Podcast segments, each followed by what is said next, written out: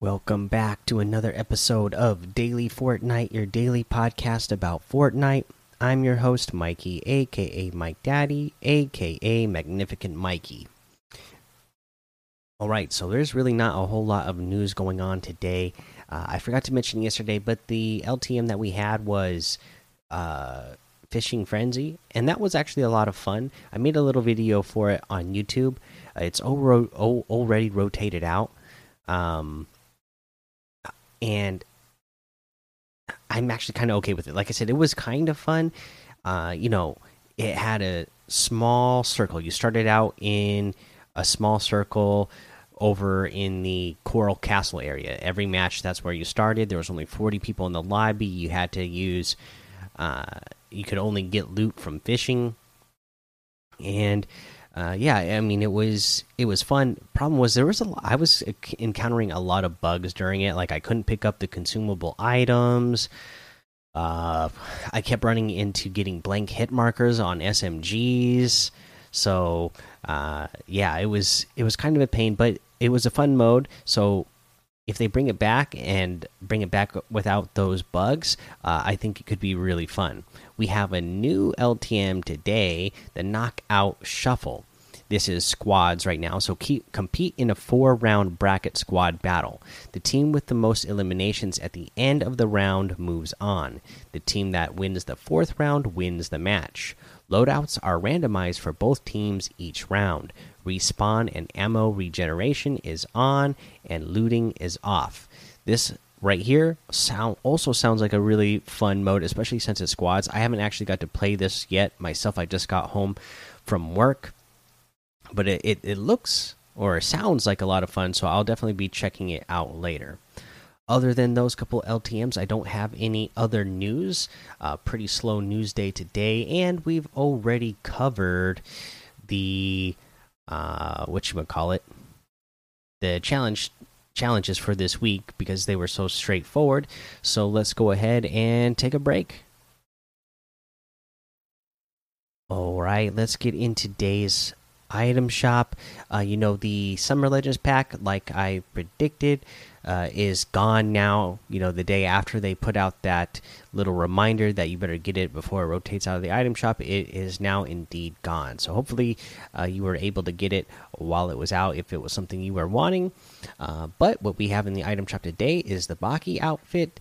Um, with the Moki back bling for 1200 we have the uh, Guff outfit with the Fluffle bag back bling for 1,200. Absolutely love this guy. Brian RTFM uh, sent me a great piece of art of this guy, so I absolutely love him. Just fantastic. uh, you got the Regal Floof harvesting tool for 800. Did I mention Guff is 1,200? Uh, we have the cryptic outfit with the spectral spine backbling for 1,200. Always been a fan of this. The Enigma wrap for 500. Pretty cool wrap.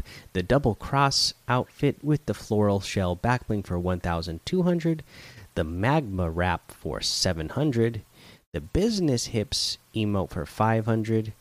The brute navigator outfit for 800. The primo moves for 500.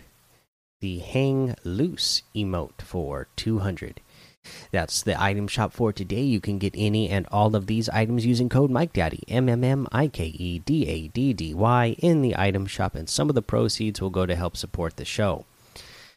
Okay, so let's talk about our tip of the day. I saw this one, I just got home, uh, hopped on YouTube real quick, and I saw a video of SypherPK talking about this new trick that you can do with crash pads that's pretty uh, fun, right? You're going to be able to make a lot of content out of this and uh, do some you know funny things with this and make people you know probably rage quit when they when they uh, when they see that they got eliminated by some trick shot.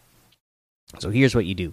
You got to go up to a vehicle. It's got to be a stationary vehicle. It can't be moving.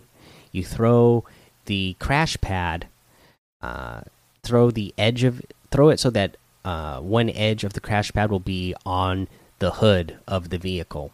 Then you jump onto the vehicle and then walk onto the crash pad. Don't jump onto the crash pad because if you jump off of the vehicle and jump onto the crash pad, it doesn't work. So you jump onto the car and just walk into the crash pad on the hood, and it sends you flying like twice as high as what the normal height is that you would if you just jumped on the crash pad. You, you go flying way up high in the sky. It's it's pretty nuts, pretty insane, and uh, you know you you go up so high so fast that a lot of times uh, it seems like the your opponent loses track of you very easily because they they're not expecting you to go that high or expecting uh, you to go you know up that high and that fast as well so fun little trick again you know just to you know get some meme eliminations for sure uh, all right, guys, that's the episode for today. Go join the daily Fortnite Discord and hang out with us. Follow me over on Twitch, Twitter, and YouTube. It's Mike Daddy on all of those. Head over to Apple Podcasts, leave a five star rating and a written review for a shout out on the show. Make sure you subscribe so you don't miss an episode. And until next time, have fun, be safe, and don't get lost in the storm.